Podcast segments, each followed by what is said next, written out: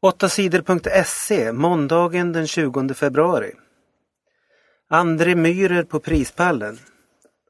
Slalomåkaren André Myhrer blev tvåa i söndagens tävling i världskuppen. Marcel Hirscher från Österrike vann tävlingen. Det här var tredje gången i vinter som André Myhrer var bland de tre bästa i en slalom i världskuppen.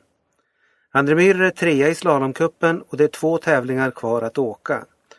Myhrer har fortfarande chans att vinna slalomkuppen sammanlagt. Iran stoppar olja. Iran slutar nu sälja olja till Storbritannien och Frankrike.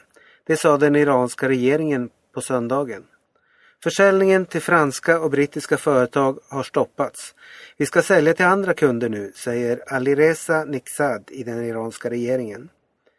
I sommar börjar EU-ländernas bojkott av olja från Iran. EU slutar köpa olja för att tvinga Iran att sluta forska om kärnteknik. Att Iran slutar sälja olja redan nu är ett försök att hämnas. Iran hoppas ställa till problem för Frankrike och Storbritannien. Men det kommer knappast att bli så. Det finns stora lager av olja i EU-länderna, säger experter. Johan Olsson vann igen. Skidåkaren Johan Olsson är i riktigt bra form. I helgen vann han ännu en seger i världscupen i längdåkning.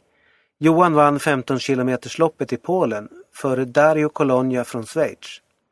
Johan Olsson var 19 sekunder snabbare än Colonia. Det här var Johan Olssons tredje seger i världscupen i vinter. Man hittad i översnöad bil. I helgen hittades en man i en översnöad bil på en skogsväg utanför Umeå. Det var en polis på snöskoter som upptäckte den 44-årige mannen som låg i en sovsäck i bilen. 44-åringen är från Karlskoga och varit försvunnen sedan i början av december. Han försvann sedan han gjort dåliga affärer och förlorat mycket pengar. Mannen säger att han legat i bilen sedan den 19 december. Han säger att han inte varit utanför bilen sedan dess. Hur mannen kunnat klara sig så länge utan mat och värme är en gåta.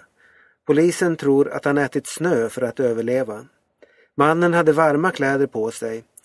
Det tjocka täcket av snö har också gjort det lättare att hålla värmen inne i bilen. 44-åringen vårdas nu på sjukhus i Umeå. Minst 44 döda i uppror i fängelse. Fångarna i fängelset Apodaca i norra Mexiko gjorde uppror i helgen. Fångarna tände eld på madrasser och angrep vakter. Det blev också våldsamma bråk mellan olika gäng av fångar. Minst 44 fångar har dött i bråket och många har skadats. Munk brände sig själv till döds. En 18-årig tibetansk munk tände eld på sig själv i söndags. Det hände i området Sichuan i Kina. Mannen brände sig själv i protest mot Kinas regering. Många människor i Tibet vill att området ska vara ett självständigt land. De protesterar mot att Tibet tillhör Kina. Det senaste året har 23 tibetaner bränt sig själva i protest mot Kina. Solnas förre stadsdirektör i rättegång. Idag måndag börjar rättegången mot Solnas förre stadsdirektör Sune Reinhold. Han är åtalad för att ha tagit emot 900 000 kronor från företaget som bygger den nya fotbollsstadion i Solna. Åklagaren säger att pengarna som Reinhold fick i lön ska räknas som en muta. Reinhold är åtalad för grovt mutbrott. Om han döms kan han straffas med fängelse i upp till sex år. Fem andra personer är också åtalade för mutbrott. Alla de åtalade säger att de är oskyldiga. Stora protester i Spanien. I helgen demonstrerade hundratusentals människor i 57 städer i Spanien. I huvudstaden Madrid var det mer än en halv miljon människor som protesterade mot regeringens plan för att spara och minska Spaniens skulder. Strejk, strejk, strejk, skrek demonstranterna i Madrid. Regeringen vill höja skatten och sänka löner och pensioner. Regeringen vill också göra det lättare för företagen att avskeda anställda. Företag som anställer unga ska belönas av staten.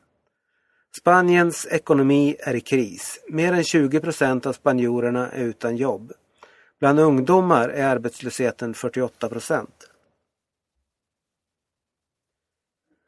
Svårare tjäna pengar på skolor. Det ska bli svårare att tjäna pengar på att sälja friskolor. Folkpartiet vill ändra lagen och får stöd av Socialdemokraterna och flera andra partier. Den som idag har fått tillstånd att starta en friskola kan sälja tillståndet och tjäna pengar. Folkpartiet vill ändra lagen så att sådana affärer blir förbjudna. Den som fått ett tillstånd måste driva skolan i minst tio år, tycker Folkpartiet. Reglerna är alldeles för slappa idag, säger utbildningsminister Jan Björklund.